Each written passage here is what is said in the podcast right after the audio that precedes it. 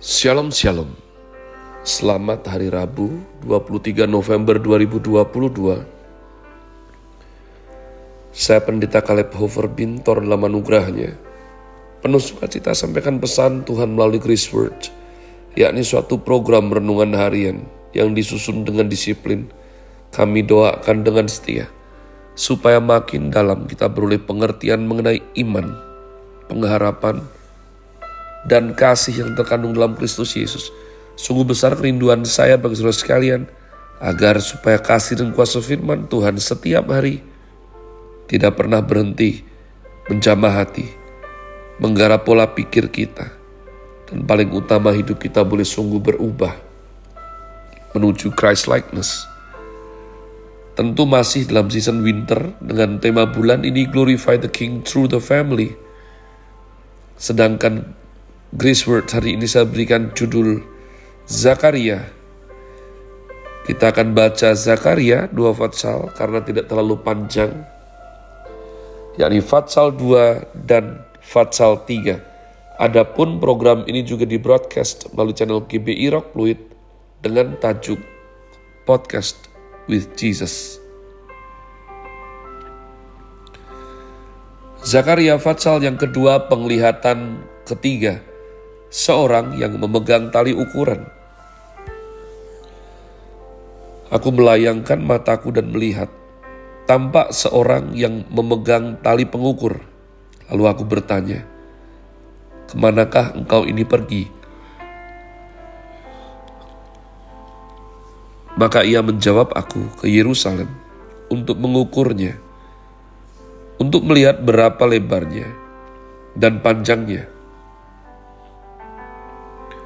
dan sementara malaikat yang berbicara dengan aku itu maju ke depan, majulah seorang malaikat lain mendekatinya yang diberi perintah, berlarilah, katakanlah kepada orang muda yang di sana itu demikian, Yerusalem akan tetap tinggal seperti padang terbuka, oleh karena banyaknya manusia dan hewan di dalamnya.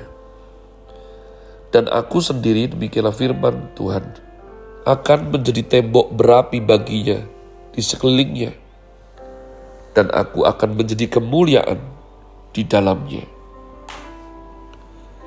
Ayat 6 orang-orang buangan dipanggil pulang. Ayo, ayo larilah dari tanah utara. Demikianlah firman Tuhan. Sebab ke arah keempat mata angin aku telah menyerakkan kamu. Demikianlah firman Tuhan. Ayo luputkanlah dirimu ke Sion, hai penduduk Babel.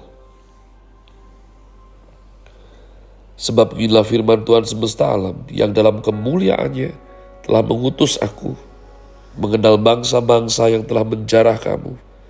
Sebab siapa yang menjamah kamu berarti menjamah biji matanya.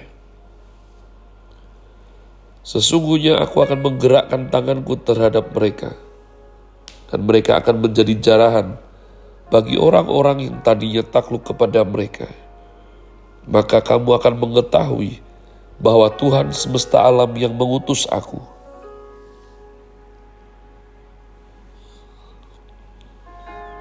Bersorak-sorailah dan bersukarialah, bersukarialah hai putri Sion. Sebab sesungguhnya aku datang dan diam di tengah-tengahmu Demikianlah firman Tuhan. Dan banyak bangsa akan menggabungkan diri kepada Tuhan pada waktu itu, dan akan menjadi umatku, dan aku akan diam di tengah-tengahmu. Maka engkau akan mengetahui bahwa Tuhan semesta alam yang mengutus aku kepadamu. Dan Tuhan akan mengambil Yehuda sebagai miliknya di tanah yang kudus, dan ia akan memilih Yerusalem pula Berdiam dirilah hai segala makhluk di hadapan Tuhan, sebab ia telah bangkit dari tempat kediamannya yang kudus. Umat Tuhan, dari Fatsal 2 ini kita melihat kedaulatan Tuhan. Ya, kalau Yerusalem diluluh lantakkan, memang Nebukadnezar menaklukkan Israel. Bangsa Asyur menaklukkan Israel. Tapi dari situ Tuhan sudah menyatakan jauh sebelum terjadi. Ini artinya adalah Tuhan adalah Tuhan. Tuhan memberikan peringatan dan Israel tetap keras kepala, bebal dan tidak mau mendengarkan. Tapi narasi yang dibangun Tuhan juga adalah bagaimana bangsa-bangsa yang menindas Israel bukan lalu dengan seenaknya saja berjaya sampai akhir. Tidak, sebab itu biji mata Tuhan. Maka Tuhan juga mengadakan pembalasan. Sebab memang bangsa-bangsa itu dari awal memang dikisahkan telengas dan kejam sekali. Nah, jadi umat Tuhan dari sini kita bisa melihat sebetulnya tidak perlu terjadi hal-hal yang dramatis seperti itu jika dari awal kita itu dengar-dengaran dan hidup selaras harmoni dengan kehendak Tuhan. Namun sering kali manusia mengambil cara belajar yang paling sulit dalam hidupnya. Tapi toh demikian, juga terkandung pula suatu anugerah Tuhan. Karena kalau bebal, kalau tidak beroleh anugerah, ya tidak akan berproses. Ya, tidak ada. Tapi kalau mendapat anugerah Tuhan, baru berproses. Jadi walaupun dramatis istilah yang saya pakai, tapi toh tetap mendapatkan janji pemulihan yang daripada Tuhan. Fatsal yang keempat kitab Zakaria, maafkan Fatsal yang ketiga Penglihatan keempat maksud saya, imam besar Yosua. Kemudian ia memperlihatkan kepadaku imam besar Yosua berdiri di hadapan malaikat Tuhan, sedang iblis berdiri di sebelah kanannya untuk mendakwa dia. Lalu berkatalah malaikat Tuhan kepada iblis itu, Tuhan kiranya menghardik engkau, hai iblis. Tuhan yang memilih Yerusalem, kiranya menghardik engkau Bukankah dia ini puntung yang telah ditarik dari api?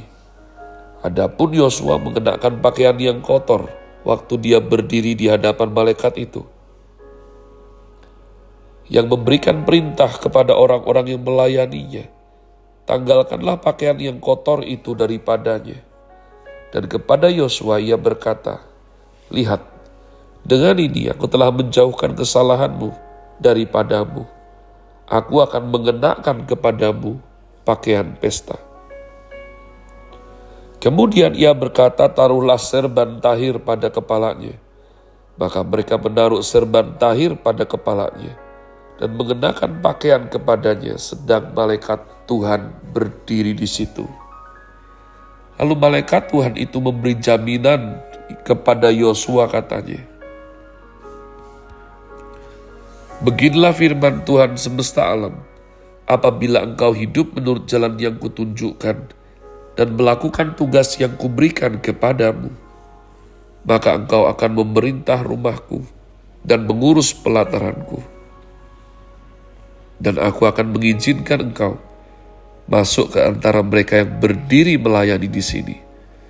Dengarkanlah hai imam besar Yosua, engkau dan teman-temanmu yang duduk di hadapanmu. Sungguh kamu merupakan suatu lambang.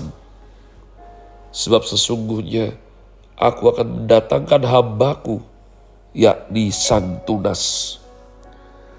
Sebab sesungguhnya permata yang telah kuserahkan kepada Yosua, satu permata yang bermata tujuh, sesungguhnya aku akan mengukirkan ukiran di atasnya. Demikianlah firman Tuhan semesta alam dan aku akan menghapuskan kesalahan negeri ini dalam satu hari saja. Pada hari itu demikianlah firman Tuhan semesta alam. Setiap orang daripadamu akan mengundang temannya duduk di bawah pohon anggur dan di bawah pohon ara. Umat Tuhan, kepada Zakaria diberikan penglihatan Tuhan mengenai imam besar Yosua. Ya, ini Kemungkinan besar bukan Yosua dari kitab Yosua keluaran uh, partner daripada Kaleb bin Yefun, Yosua bin tapi ini adalah Yosua yang merupakan imam besar, salah satu imam besar di zaman pembuangan. Nah umat Tuhan, lihatlah untuk seorang imam besar berpakaian kotor. Nanti di perjanjian baru akan diperjelas dengan berpakaian lenan kebenaran. Dari sini kita bisa melihat bahwa memang semata-mata anugerah Tuhan saja kita disucikan, kita dibersihkan. Imam besar Yosua memakai baju yang kotor yang harus ditanggalkan di hadirat Tuhan.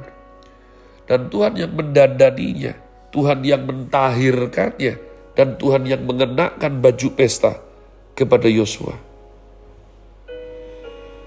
Sementara itu terjadi berproses iblis terus mendakwa Yosua. Sungguh besar anugerah Tuhan atas kita. Jadi inilah yang dikerjakan Tuhan bagi setiap kita yang percaya kepadanya. Sementara iblis mendakwa kita bahwa kita ini tidak pantas, bahwa kita ini tidak layak, kita sangat berdosa dan pantasnya mati saja. Tapi Tuhan dengan kelembutannya, menyucikan kita, mentahirkan kita, memberikan kita pakaian yang baru, pakaian pesta.